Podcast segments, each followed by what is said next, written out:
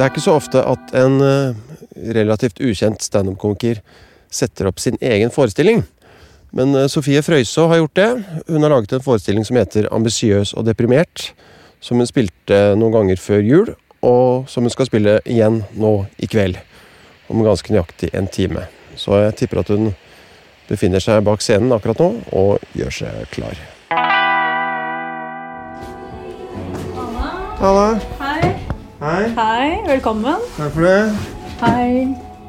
Du fant fram? Fant fram, altså. Ja, bra. Jeg har ikke vært her så ofte. Nei, det har du egentlig det. Jeg har ikke Det Det er ingen som tør å innrømme det i så fall. Ja, Hvor er vi nå? Kan ikke du si det? Nå er vi på Elsker, bar og klubb. En primært eh, homse- og lesbebar. Så nå er det veldig fint backstage. Eh, sist jeg var her, så var det sånn, da var det dragshow her. Og det bare bugnet over av boaer og løssnegler og diverse snacks. Løse snegler, ja. Ja, løsnegler. Ordspill der, altså. Du, lokalet, bare se på det en gang til. Eh, Det er jo så veldig sånn koselig ut. Skal vi se her. Det er eh, ikke så svært. Hvor mange er det plass til her, tror du? Jeg tror det er plass til eh, Ved forrige forestilling var det stappfullt. Da var det 110. Men da satt folk nesten oppå hverandre. Så jeg tror sånn ideelt 100, kanskje. Ja. Så det er sånn fin mengde. Er du nervøs for kvelden? Ja, jeg merker det. For nå blir jeg veldig politisk korrekt. Jeg blir det med en gang jeg er nervøs. Er Ja. sånn, ja. Altså, Når man får en mikrofon foran seg, så ja. Men det er bra egentlig nå, for nå øver jeg meg litt ved å prate med deg. ja. Eh, for jeg merker med en gang Eller nå som jeg har gått gjennom eh, lydprøven, så får jeg veldig sånn lys stemme. Så jeg prøver liksom å legge meg litt nedpå. Det, det tror jeg er fordelen med å være mannlig komiker. At du blir ikke sånn masete, liksom. Okay. For jeg merker at stemmen går ikke opp. Hvis du skal sitte og høre på det i en og en halv time, liksom, blir det litt slitsomt. Men, øh, hvordan er det å være jente i standup-miljøet? Det er ikke så mange jenter. Nei, jeg syns det er en eh, Jeg syns egentlig det er en fordel, jeg. Fordi det er ikke så mange jenter, som du sier. Eh, og så er det jo fortsatt sånn at det blir gjort nummer ut av det. Eh, og det er jo alltid like gøy når eh, konferansieren introduserer deg som kveldens kvinnelige innslag. Det er sånn Takk skal du ha, mannlig komiker. Eh, og det er jo fortsatt myter om at jenter ikke er morsomme og drit, men jeg tenker at eh, hovedbudskapet da er jo bare å være morsom. Og så tror jeg ikke folk tenker så mye mer over det. Så Før så pleide de å arrangere jentekveld på, på Eidekossa. Men hvorfor heter det ikke da guttekveld nesten hver torsdag? Liksom? For det er jo bare menn. Alltid. Nesten. Med mindre du er kveldens kvinnelige komiker, selvfølgelig. Ja, det beste er jo egentlig å ikke nevne det, tenker jeg. Men nå gjorde jeg det. Ja, du gjorde det nå. Ja, Du må komme inn. Ja, jeg sto i døråpningen der. Du, kan vi Ja. sette oss ned? Er det mer behagelig, eller? Ja, vi kan sette oss, ja. Ja, for da, da kan jeg sette opp uh, noen fancy mikrofoner og sånn, så kan vi slå av en liten uhøytidelig prat. Ja. Drev og sminka meg, jeg nå. Prøvde å få på plass dette trynet. Greit, da har vi fått satt oss ned. Ja. Ikke i ro og mak, kanskje, for du er vel litt uh... Mest i mak. mest i mak, ja. Men du har spilt forestillingen før, ikke sant? Ja, tre ganger. Det var også her. Det var også her, ja. Hvordan gikk det? Det gikk eh, veldig bra. Det var utsolgt tre dager, og ja, det er jo alltid nervepirrende om man selger ut. Spesielt når man gjør alt selv. Ja. Så det har jo vært en erfaring å, å gjøre alt selv. Altså både promo, økonomi, eh, billettsalg. Jeg måtte til og med sette opp stolen i salen selv. liksom. Okay. Så det er sånn dugnad, jeg og kjæresten min. Og han styrer lyden, og det er liksom okay. så Alt er fra scratch. Så jeg var jo veldig fornøyd da det ble utsolgt, og det gikk bra. Mm. For det er jo klart, når du sitter og skriver på noe i et halvt år, så er du redd for at det bare er oppi hodet ditt. At det bare er du som syns det er gøy. Ja, Så det var jo deilig at det ble sånn som jeg drømte om. Da, at folk lo på de riktige stedene. de Liksom. gjorde det. Mhm. Det er jo litt hyggelig. Ja. Litt vesentlig. Det er litt vesentlig. Så Men hadde du prøvd det mye før, eller? Nei. Det er nettopp det. Jeg testa ut eh, noe av det på Josefines vertshus. Ja. Eh, Men det var jo helt uten kontekst. Så det var eh, litt sånn blandede reaksjoner. Jeg prøvde det to ganger. Ene gangen gikk det kjempebra. Andre gangen var det litt sånn var ikke den beste responsen jeg hadde fått. Så jeg ble jo litt nervøs, men så tenkte jeg at eh, i denne konteksten, da, i dette showet, så passer det bra. Eh, Men det er klart, når alt er nytt, så vet man jo aldri. Nei. Men jeg tror fordelen er at jeg er veldig, jeg er veldig personlig da, i dette showet, og alt henger sammen på en måte. Mm. Så man, publikum får bedre eh, sjanse til å bli kjent med meg da, i showet. Ambisiøs og deprimert, heter det. Mhm. Ja. Hva, hva handler det om? Det handler om Um, å være ambisiøs og deprimert samtidig. At det liksom ikke alltid lar seg kombinere. Å være ambisiøs og deprimert. Når man vet hva man er god for, liksom, men man orker bare ikke gjøre noe med det akkurat i dag. Når man har gått uten jobb litt for lenge, men du tar ikke hva som helst. Når folk spør sånn Ja, hva driver du med om dagen, da? Og du bare Nei, jeg bare jobber litt med egne prosjekter. Med andre ord arbeidsløs. Og når mamma prøver å finne jobbannonser til meg, så blir jeg forbanna. Altså, skjønner hun ikke at jeg ikke er klar? Men hvis hun ikke prøver, er det ikke utrolig at jeg er helt invalid? Jeg er kanskje deprimert, men jeg er fortsatt ambisiøs. Bare ikke akkurat nå, liksom. Eh, det handler om at jeg er del av generasjon alvor, hva det gjør med meg og den tiden vi lever i. Det handler en del om psykisk helse. Jeg snakker om diagnosen min, som er Tourettes syndrom. Og så snakker jeg om å vokse opp i bibelbeltet med to mødre. Så det er nok å ta av. Det er nok å ta av der, ja. Hva var det som gjorde at du fikk lyst til å skrive et show om dette her, da? Nei, jeg var i Uganda i halvannet år, og Oi. da må man jo finne seg sjæl. Og det er jo mye selvutvikling og egentlig mye klisjé. Og jeg tenkte at jeg kan ikke være noe dårligere enn de som er i utlandet og finner seg selv, og utvider horisonten sin. Så da må jeg sitte på verandaen og skrive og være selvutnevnt forfatter. Og så begynte jeg egentlig å, å skrive på et bokprosjekt, men så merket jeg at det blir jo bare standup, det her. Så tenkte jeg hvorfor ikke bare gjøre et helaftenshow ut av det? Og så, sånn kom det til. Ja. Så jeg satt og skrev i Uganda. Det er jo så romantisk som det. Men altså, du dro til Uganda for å jeg ble med, ja, det var bare en bonus. Uh, fant mye der nede. Men uh, kjæresten min fikk jobb i noe som heter Design uten grenser. Så jeg ble med han. Og det var mye tull om at jeg var sånn expat wife. Men jeg gjorde jo mye der nede, da. F.eks. å skrive show. Ja. Så nå hører jeg på stemmen at jeg har sånn stemmeskifte. Hvis det går an i en alder av 26 år som kvinne. Så det er egentlig bare bra nå at jeg øver opp stemmen, opp stemmen litt. Men hvordan var det å bo i Uganda? Eh, det var eh, veldig annerledes enn å bo i Norge, selvfølgelig. Og det var kjempegøy. Så det er jo en helt annen verden.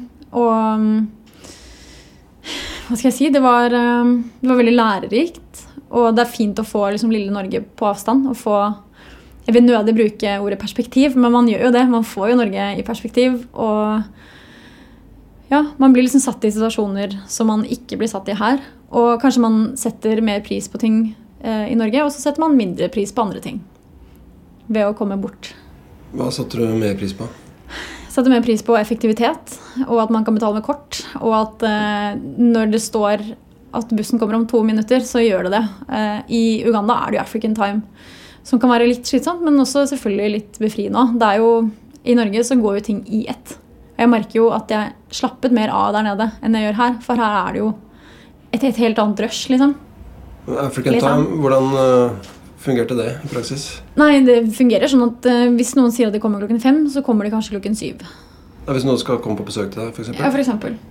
Ja. Eller hvis du kjøper noe som ikke fungerer, uh, så har du ikke noe Det er ikke noe kunden alltid rett, liksom. Da, da, må du bare finne deg i det, og så er det et skakkjørt bord, liksom. Og du får ikke bytta det. Det er ingenting. Det er bare sånn, det er ditt problem. Det var noen som kom og skulle male leiligheten, og malte det bare altså jeg kunne gjort det bedre i søvne. Men uh, de nektet å Ikke noe klagerett? Nei da, de bare forsvant. Og så tok de aldri telefonen da vi ringte. Så Det er ikke noe forbrukerråd? Nei, det er, ikke det. Så det er jo fordelen i Norge, da. At uh, ting går litt uh, mer på skinner, kan du si. Men hvis du skulle klage på et bord, f.eks., hva sa mm. du da? Mm, I'm so sorry, madam. I'm so sorry. Og så gjorde de ikke noe mer. Nei, uff, nå blir det veldig svart-hvitt fremstilt. Svart ja, men Var det ikke sånn det var? Det? Jo, det er jo det. Er jo det. Men nå er jo vi i Norge ekstremt heldige òg. Vi er jo privilegert så det holder. Uh, men Hva var det du satte mindre pris på med Norge etter å ha vært her nede? Nei, jeg kjenner at uh, i Norge så er man Man er jo mer uh, forknytt. Altså folk er jo mer distansert. Ja. Og vi driver og skylder på klima, at det er det som gjør det. Men, det er så kaldt og mørkt ja. og sånn. Og så er det jo morsomt da når vi er i utlandet og bare sånn Vi er veldig arrogante. Så er sånn, vi er jo tydeligvis ikke det siden vi sier det. Men det er jo Jeg vet ikke, jeg, jeg, jeg opplevde i hvert fall at folk der er mer interessert i hvem du er, ikke hva du gjør. på en måte. Ja. At uh, Hvis man drar på vors her, så må du gjennom en times tørrprat og egentlig bare 'Å ja, du studerer på sykehøyskolen, ja, ja. hvordan er det?' Altså det er liksom ikke Bare hva man gjør og sånn, ja. ja. Overfladisk, på en måte. Hva snakket de om der nede? Nei, Jeg opplevde at folk er mer åpne, men så er det jo en gang sånn at når det er mozongo, som de kaller det, så er Hvit. det. Ja. Så folk roper etter deg, liksom. Du føler deg jævlig dum. De roper etter deg Ja. på gata og sånn? Ja. Jeg kunne Hva- ikke akkurat rope noe tilbake. Ja, Men, er eh. Så man blir jo litt sånn teit. Jeg tror nok at mange som er expats, som lever der over mange år, kanskje får litt sånn fucka selvbilde. Fordi du, du får høre det hele tiden, og de tror at du har liksom masse penger og bor dritfancy. Og det er sånn eh, I et annet perspektiv Jeg var jo student, det var ikke sånn at jeg liksom bodde i en villa. Men eh, det er jo en Hvis du drar ut i landsbyene der, da, så så er det jo noen som liksom det er ikke, De er ikke vant til å se det. Herregud, det høres skikkelig teit ut. Men, Nei, men det, er, altså det er jo forskjellig. Jeg er open-minded, jeg nå. ja, det er bra. Det høres ikke ut som jeg er open-minded. Det høres Nei, ut men, som nei, men det det er jo litt liksom sånn klisjeer. ikke sant? um, Man kan liksom ikke beskrive ting mm -mm, Man skal hele tiden tenke på å være politisk korrekt, men, mm, mm. men uh, hvordan, hvordan bodde dere? Altså, bodde dere i en landsby eller i en by? Eller? Jeg bodde i hovedstaden. Så vi bodde i et sånn fint strøk, men det var egentlig helt uh, tilfeldig. Vi, altså, vi bare fant en leilighet som var ledig, og flytta inn der. Så um, ja. Så vi bodde rett, i, rett ved Grita, liksom. Ja. Mm. Og, og hvordan, var den, hvordan var bylivet der? Altså, Det jo, altså for det første er det veldig mange flere mennesker. Så Hvor mange innbyggere er det i hovedstaden i Uganda? Ja, det husker jeg ikke. Nå spør du vanskelig. Men det er jo mange mange, mange millioner. Ja. Og, altså, folk bor jo oppå hverandre, og det gjør noe med intimsonen. Og det gjør noe med bare i kollektivtrafikken. Eh, så sitter man jo oppå hverandre, og folk sitter med høner på fanget. Liksom, og en geit og en hund. Eh, Ja. og det, bare i Norge, hvis du setter deg ved siden av noen, og det er ledige plasser, så er du jo sjuk i huet. Men der er det bare hyggelig, eh, for da kan man ha noen å prate med. Ja. Så man, det gjør jo noe med folkeslaget. Altså Der er det liksom Sharing is caring. Og man kan helt fint bare gå inn til naboen og prate og lempe av deg ungen der. Så passer de på ungen. Gjør du det i Norge, så er det sånn Det skal man jo ikke gjøre. Det er frekt. Eller hvis et lite barn pirker deg borti kneet på bussen, så er det sånn Nå må du ikke plage dama. Ja. Men i Uganda er det bare hyggelig. Det skulle bare mangle. Så jeg fikk jo Måtte jo utfordre komfortsonen min, liksom. Eller intimsonen min da jeg kom Ja. dit. Så jeg har sikkert godt av det. Var det lett å få venner der? Ja, det var det. Og jeg prøvde jo standup der nede òg. Det var jo en vill opplevelse. Eh, fordi i Uganda så, så Jeg så på masse sketsjer og sånn, og det er jo veldig mye sånn oss menn og dere kvinner. Litt sånn 90-tallet. Det er jo noen som fortsatt gjør det i Norge, så Ja. ikke legger skjul på det. Ja. Eh, Og det var jo sånn, det morsomste jeg kunne ha gjort, er liksom å skli på et bananskall. Det er slapstick eh, Ja. det går i. Så jeg prøvde å liksom være litt politisk, og da mista jeg folk ass, på Ja. en av de kveldene der nede. Men Men var det standup-klubber der Ja. nede? Det var det, ja. Mm. Så, men de snakket jo nesten bare på lokalspråket Luganda. Så man hørte bare sånn Ok, skjønner ingenting, skjønner ingenting. Mozungo. Og så lo alle. Så vi skjønte jo at de gjorde narr av oss, men vi visste ikke hva. Så sånn, All humoren handla om dere. Ja. Nei, men, men Fikk du oversatt noe av det de snakket om, eller? ja, litt.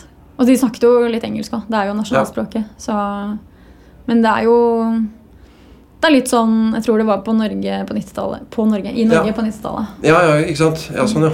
Mm. Så standup-komikken var ikke kommet så langt ennå. Nei. Og så er det vanlig at de står og har sketsjer og sånn. Sånn artig revy med liksom parykker og Ja. artige Mm. stemmer og sånn. Mm. Så ja. Og din standup fungerte Ja, De første to fungerte bra, for da snakket jeg mest om å være mozungo. Og, liksom, og folk elsker jo det eh, når man snakker om dem. Det er jo sånn i Norge òg. At Ja. hvis noen står og snakker om you guys, så er det kjempegøy. Det er sånn, å, du prater om oss, liksom. Ja, ja. Men uh, den siste gangen så prøvde jeg å være litt politisk, og det var ikke, det funka ikke like bra. Men uh, tror du at du kunne skrevet det showet her hvis du satt hjemme, eller? Mm, ja, men jeg tror jeg hadde brukt mye lengre tid. Og jeg har ekstremt eh, ekstrem tendens til å utsette og ta skippertak. Men der hadde du tid. Der hadde jeg tid, litt for mye tid, men det gjorde at jeg, jeg måtte liksom aktivisere meg og, og gjøre noe den tiden. Da. Og da var det deilig. Da kom jeg inn i en god rutine. Mens her er det jo det, Man har så mye å gjøre, og det er liksom bare det å sette av tid. Mm. Så jeg tror nok jeg hadde brukt mye lengre tid på det. Men uh, du sa at du vokste opp med to mødre i bibelbeltet. Hvordan, hvordan var det egentlig? Nei, jeg bodde jo bare der til jeg var åtte år, da. Og det er jo som jeg Bibelbeltet, hvor, hvor da? Grimstad. Grimstad? Ja da. The place to be. Så jeg tuller jo med at vi flyttet derfra fordi moren min hun er ikke så god på å være sørlending, hun heller. Jeg føler vel ikke at jeg er så god på det selv. Å være sørlending innebar Nei, da er det jo blid og det er jo, Jeg vokste opp med med 100 Sunnivaer rundt meg, liksom. Eh, for det er jo 100 Sunnivaer. ja, fra Kaptein Sabeltann. Ja. Så skal man bli og hva betyr det for de som ikke kjenner Kaptein Nei, Sabeltann-universet? Da er hun kjempeblid og, og søt og veldig positiv. Ja, ok. Og alt hun drømmer om, er å gifte seg, få barn og leve trygt og godt. Ja, ikke sant? Og glatt over ting og Ja, Uh, og det er jo greit. ja, det er klisjeen, men det er klart at jeg merker jo det når jeg er hjemme. Eller hvis jeg drar til Sørlandet, så er det liksom en helt annen sjargong. Alt er så greit, vet du. Uh, og så mamma flyttet jo derfra. Men jeg vokste opp på Sørlandet, og det er Tourettes syndrom er en dårlig deal når du skal være kristen og sømmelig. Når du selvfølgelig er nødt til å være med i bibelskolen fordi besteforeldrene dine driver det. Det er en styrkeprøve. Hva om jeg bare banner banne og drithøyt nå? Hva om jeg bare reiser meg opp og kaster Bibelen min drithardt på Jesus som henger opp og dør? Eh, og det var ikke Jeg tror ikke det var hallelujastemning da hun kom ut av skapet. Nei. Eh, så, men Hvordan var det å vokse opp med to mødre? Er det mange som lurer på. Mm. Nå, sikkert. Ja, nei, det har vært eh, veldig fint. Og det er jo ikke noe mer hokus pokus enn at det står to damenavn på postkassa istedenfor en mann og en kvinne. Så det er jo, ja, som alle andre familier, bare at man Jeg har aldri merket noe fordommer mot det. Jeg har jo selvfølgelig hørt folk snakke dritt om homofile sånn generelt, men jeg har aldri blitt mobba for det eller opplevd noe negativt rundt det. Og mamma og stemoren min har alltid vært veldig åpne om at de er lesbiske. Og det har heller vært mer sånn spennende at eh, folk syns det er litt gøy, og så ser de at det oh ja, det er ikke noe, det er ikke noe liksom skummelt eller rart over det. Det Ja. Ja, for du vokste først opp med mor og far, ikke sant? ja Fram til jeg var åtte år. Ja. Og så skilte de seg, og så har mamma og øh, Mamma og stemoren min hatt eh, hovedansvaret, eller øh, Ja. Var det en nervøs lyd? Det var nervøs lyd, ja. For nå sitter jeg og lurer på hvor mye klokka er. Den er to på halv åtte. Hæ? To på halv. To på halv, ja. Og så sa jeg det to på. Oh, ja. Nå holdt hjertet mitt på å stoppe. Ja, ok. Ja. Da har jeg en halvtime til på å angste. Og jeg hører at stemmen min øh, går Nei, helt men hvis, du hadde, hvis du hadde vokst opp med to mødre fra starten av, mm, så hadde det vært det som var det eneste naturlige for deg. Men i og med at du vokste opp med en far først, mm. så må det ha vært en overgang. Ja, men samtidig så Altså, det med en skilsmisse skal man ikke undervurdere. Det er jo alltid kjipt. Eh, men mamma, hun innførte liksom eh, begrepet homofili da, i vokabularet mitt før hun eh, fortalte meg at den er lesbisk. Så jeg skjønte det liksom da hun fortalte det. Ja. Så mamma var veldig, er veldig pedagogisk sånn sett. Ja. Så det var liksom aldri noe dramatisk rundt det. Det var mer sånn ok, mamma har fått seg en ny kjæreste, og sånn er det. Men i og med at jeg vokste opp med to mødre, så er det mange som lurer på om det har vært annerledes. Eh, og etter å ha hørt med mine venner da, hvordan det er å vokse opp med en mor og en far, så skjønner jeg at det er veldig annerledes. Fordi de forteller at de liksom har dratt på turer sammen, feiret jul, spist middag. Hjemme hos oss så er det ikke sånn, da. Hjemme hos oss så sitter mødrene mine bare og er lesbiske. Du snakker om at du er ambisiøs og deprimert. Mm. Du um, Det med depresjon, er det en uh, diagnose, eller? Ja, jeg har jo en diagnose, da. Tourettes syndrom. Og jeg, eh, det gjør nok at jeg er mer hva skal man si, disponibel da, til å bli deprimert. Og jeg eh, gikk jo mange år uten å vite hva det var. Jeg trodde bare at jeg var eh, fucked up. Men så skjønte jeg at eh, jeg har en diagnose, og ikke at man skal lene seg på den, men det ga jo en del svar på hvorfor jeg har vært mye deprimert. da. Helt fra jeg var liten, egentlig. Ja, for mange tror at, eller Før trodde man det at Tourettes det var banning og sånne ting. Men det går på depresjon òg. Ja, altså Det kan være en konsekvens av det. Um, og det vil jo alltid variere. Noen har veldig sterk grad, men det er få altså, som driver banner og skriker ting. Det er veldig få med Tourette som må rope ting, banne ting. Og jeg skjønner at det sikkert er litt eh, skuffende for dere hvis dere hadde håpet på skikkelig mye action. Men det er ikke sånn at jeg bare må rope til deg at 'du har store pupper'. Selv om du har jo det. Det ser vi alle uansett. Det er ikke noen forskjell om jeg sier det, liksom. Så hadde det vært litt rart hvis jeg sa til deg siden du er moren min.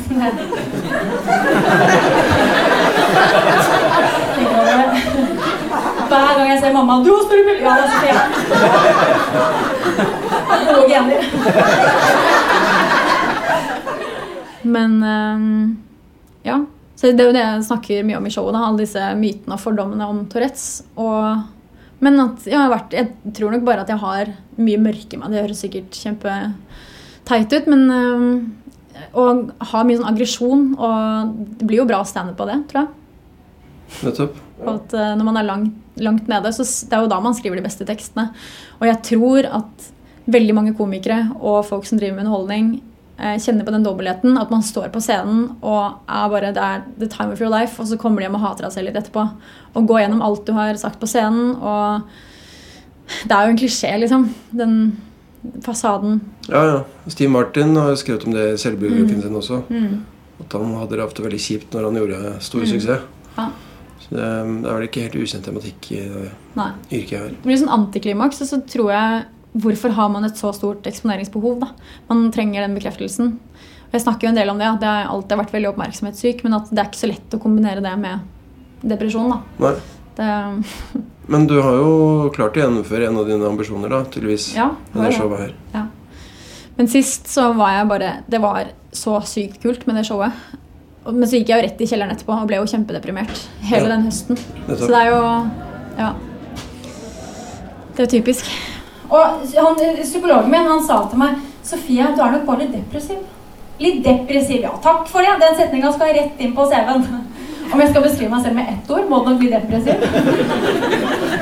Du kan ikke si det til en 15 år gammel jente. Kunne det ikke vært litt raus og sagt noe sånt som at Sofie, du er nok bare litt melankolsk? Det er litt sånn deilig Ari Behn-slung over det, i hvert fall. Jeg vil si at jeg er følsom, jeg. At det går opp og ned fra en dag til en annen. Jeg kan våkne en dag og tenke Yes! Denne dagen her suger. Eller jeg kan bli liggende om kvelden og tenke Nei, skulle man tenkt på noe dumt man sa for fem år siden, da? Hvordan er det å komme tilbake og spille show nå? Det er gøy, men også ekstra nervepirrende fordi jeg har fått så mye gode tilbakemeldinger. Og da eh, har jo folk kanskje forventninger, da. Og ja, nå har jeg jo liksom Denne høsten har vært ganske drit etter showet, så jeg har ikke øvd så mye som jeg burde ha gjort. Og jeg kjenner jo på et eh, selvpåført press. Det gjør jeg alltid. Så jeg er alltid dritnervøs rett før jeg skal på. Og så angrer jeg og hater meg selv for at jeg satte det opp, men så er det veldig godt etterpå. Og så blir jeg kanskje deprimert, fordi hva skal jeg gjøre nå? Og hvis man setter opp noe bra, så er det sånn, hvordan skal jeg toppe det her? Det er jo alltid sånn, Du klarer ikke å glede deg over alle de gode tilbakemeldingene. Du blir jo mer sånn Ja, men nå må jeg skrive noe nytt. Hvordan skal jeg komme videre nå, liksom? Skal du spille flere Hvor mange ganger skal du spille? Eh, I dag og i morgen. Og så skal jeg sette opp showet til våren. Og så Hvordan da? På Josefine. Ja. Mest sannsynlig. Jeg vet ikke om jeg er lov av Jonny å si det, men jeg sa det likevel. Det Han er, hører ikke på, han er jo ikke på internett, han. det er standup-klubben til RDK i Ja. Josefines gate. Ja. Ja. Men han er ikke på internett, så det går bra. Han hører Ja. det ikke. Nei, nei. nei. Nei, men ok. Ja, men, og, men Har du videre planer med showet, eller? Å reise litt rundt og sånn, eller? Tar det, det som det kommer? Det er drømmen. da. Jeg hadde jo håpet at noen kunne produsere det. Ja. Fordi det å gjøre alt selv er jo Det er lærerikt, men man blir jo dritsliten av det. Eller sånn. Ja, klart det. Men Har du snakket med noen, eller bare gjorde du det selv? Nei, jeg, dette her har jeg gjort selv. Uh, bare ba om å få stå her. Og Hvorfor valgte du det stedet her, da? For, mye fordi uh, jeg syns stedet er veldig bra, og mye kule folk som henger her. Um, kanskje er det et symptom av at jeg vokste opp med en lesbisk mor. At jeg måtte ende opp på en homo- eller homse- og lesbebar. Kan hende. Og fordi jeg syns scenen er fin, og jeg kan boltre meg som jeg vil. Det er veldig stor frihet. Så ja. Men du, var ikke du med på seerklubben også? Jo.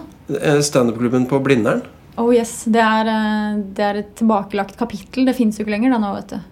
Hva skjedde med den klubben? For jeg- jeg og flere med meg ble jo så optimistiske når det Mhm. Ja. starta en standup-klubb på Blindern. Mm. tenkte man nå kommer det masse smarte, intellektuelle, Studenter. politiske komikere. liksom. Mm. Det gjør det ikke.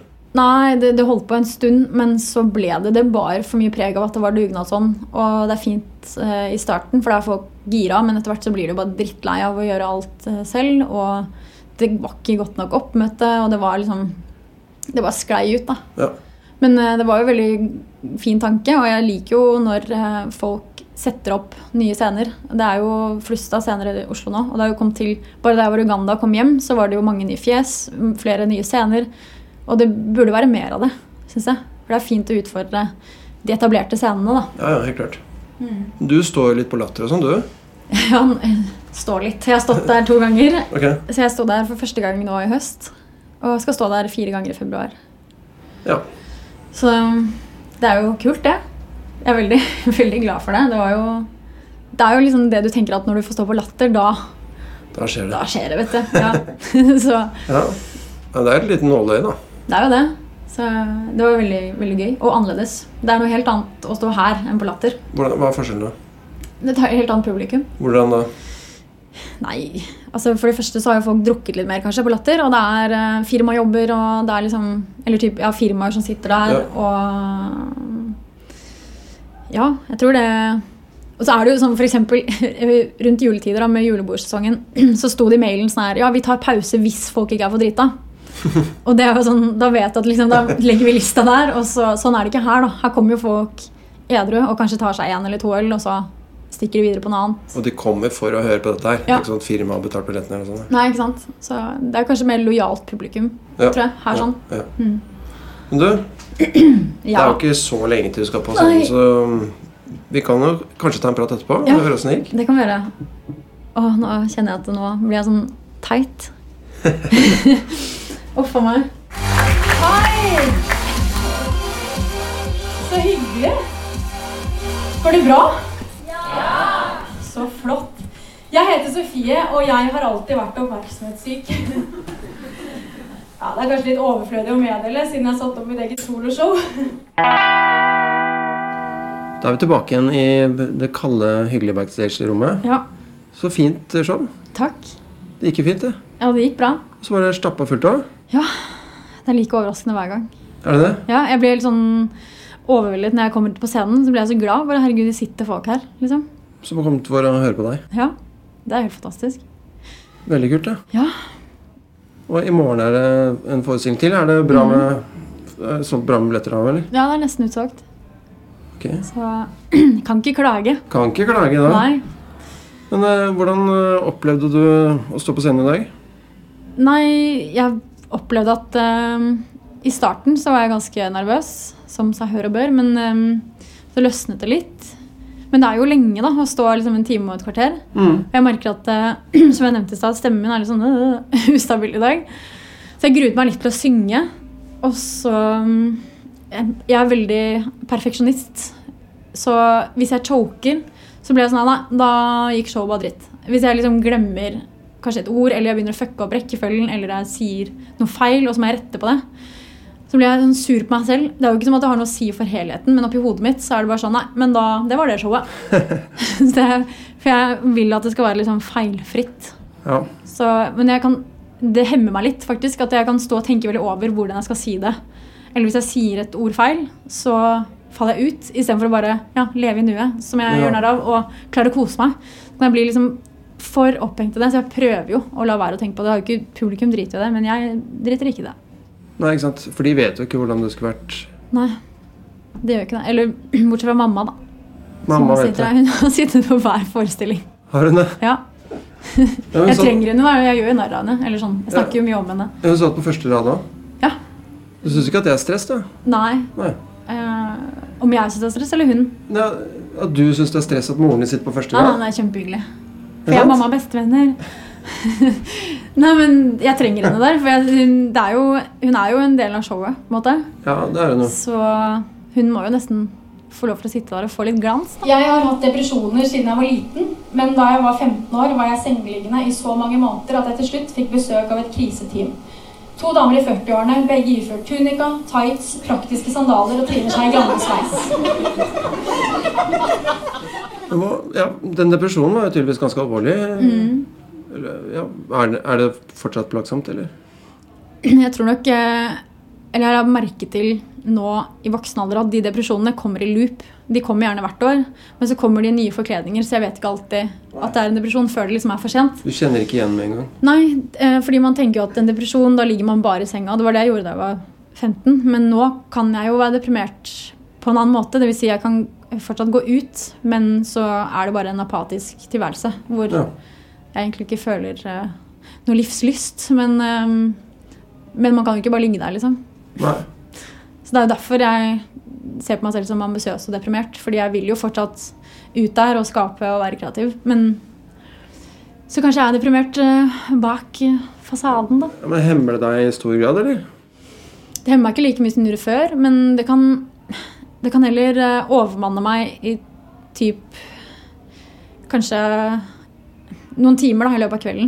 Ja. Hvor jeg bare gråter og føler at alt er dritt. Og så kan jeg våkne dagen etterpå og kjenne at ja, men det føles bedre i dag. Men det går liksom opp og ned, og det er gjerne ja, noen perioder liksom Altså, de siste årene har det gjerne vært en periode hvert år som kommer igjen. Hvor lenge varer den perioden, da? Mm, altså Som nå har den vart kanskje fire måneder. Så du er i en depresjon nå? Jeg begynner å komme meg litt ut av den. Men det, liksom, det verste var ukene før jul og juleferien. Da var det ille. Og så er det litt Det begynner kanskje å bli litt bedre nå. Ja. Håper jeg. Ja. Men går du til psykolog og sånt? Nei, eh, jeg har jo Jeg har vært litt teit. Jeg har vært litt sånn selvutnevnt psykolog for meg selv. Og skrevet veldig mye. Og jeg har ikke så veldig god erfaring med psykologer. Um, og jeg føler at skal jeg sitte og betale masse penger for at jeg skal høre ting som jeg kunne lest på et Facebook-bilde, eller de samtalene jeg kunne hatt med venner og nå skal jeg, Det er jo sikkert masse flinke psykologer, jeg har sikkert bare hatt veldig uflaks. Mm. Men så er det jo, det er jo et problem da, i Norge at um, i verdens rikeste land så er det lange køer. Og jeg tenker at det er helt sjukt det skal være så dyrt når man Egentlig burde alle ha en psykolog, akkurat som man har en fastlege. For man går jo til legen og tannlegen og selv til frisøren, men at man ikke skal gå til psykolog. Så er det sånn, Jeg har også opplevd å blitt kasta rundt i systemet og ikke fått hjelp. Og da blir man jo litt sånn Man mister litt troa. Mm. Og det er, jeg tror det er veldig mange som blir bare kastet rundt uten å få den hjelpen de trenger. Da. Spesielt i tenårene når alt er som verst. Så da jeg trengte det som mest, så fikk jeg veldig dårlig hjelp. Men jeg hadde en lærer på videregående som eh, bare utgjorde en så stor forskjell. Og så har jeg jo en fantastisk mor og en stemor, eller bonusmamma, som har hjulpet meg, da. Ekstremt. Mm. Så han læreren var på en måte ja, Han var jo som en psykolog, da. Og Ja. er fortsatt en viktig person i mitt liv. Så, og det er, det, det er jo gjerne de drømmelærerne som kanskje utgjør den forskjellen som trengs, da. Ja. Jeg har en kompis som er psykolog. Han sier at han mener at nesten alle kunne ha gjort den jobben han gjør. Mm, Hvis man klarer å lytte og ikke sant? Det er det du gjør nå. nå er du litt så Vekselvis lytter og prater. Ja. Ja, men Hva syns du gikk øh, Hva synes du gikk best i dag? Uh, Tourettes-delen syns jeg gikk veldig bra. Og uh, når jeg snakker om depresjon og leser opp fra dagboka, pleier som regel å gå veldig bra. Jeg har alltid skrevet dagbok med ironisk distanse. De fleste dagboknotatene mine starter med 'Jeg kommer sikkert til å le av dette om noen år'. Jeg helgarderte meg og skrev til en tydelig adressat som noen andre enn meg kommer til å lese det. Og flaks er det, siden jeg har tenkt å lese noen utdrag for dere nå. Da jeg var syv år, skrev jeg 'Tenker på så mye rart, kanskje hodet mitt sprenger snart'. Og nederst på siden står det 'Nei da, det går bra'.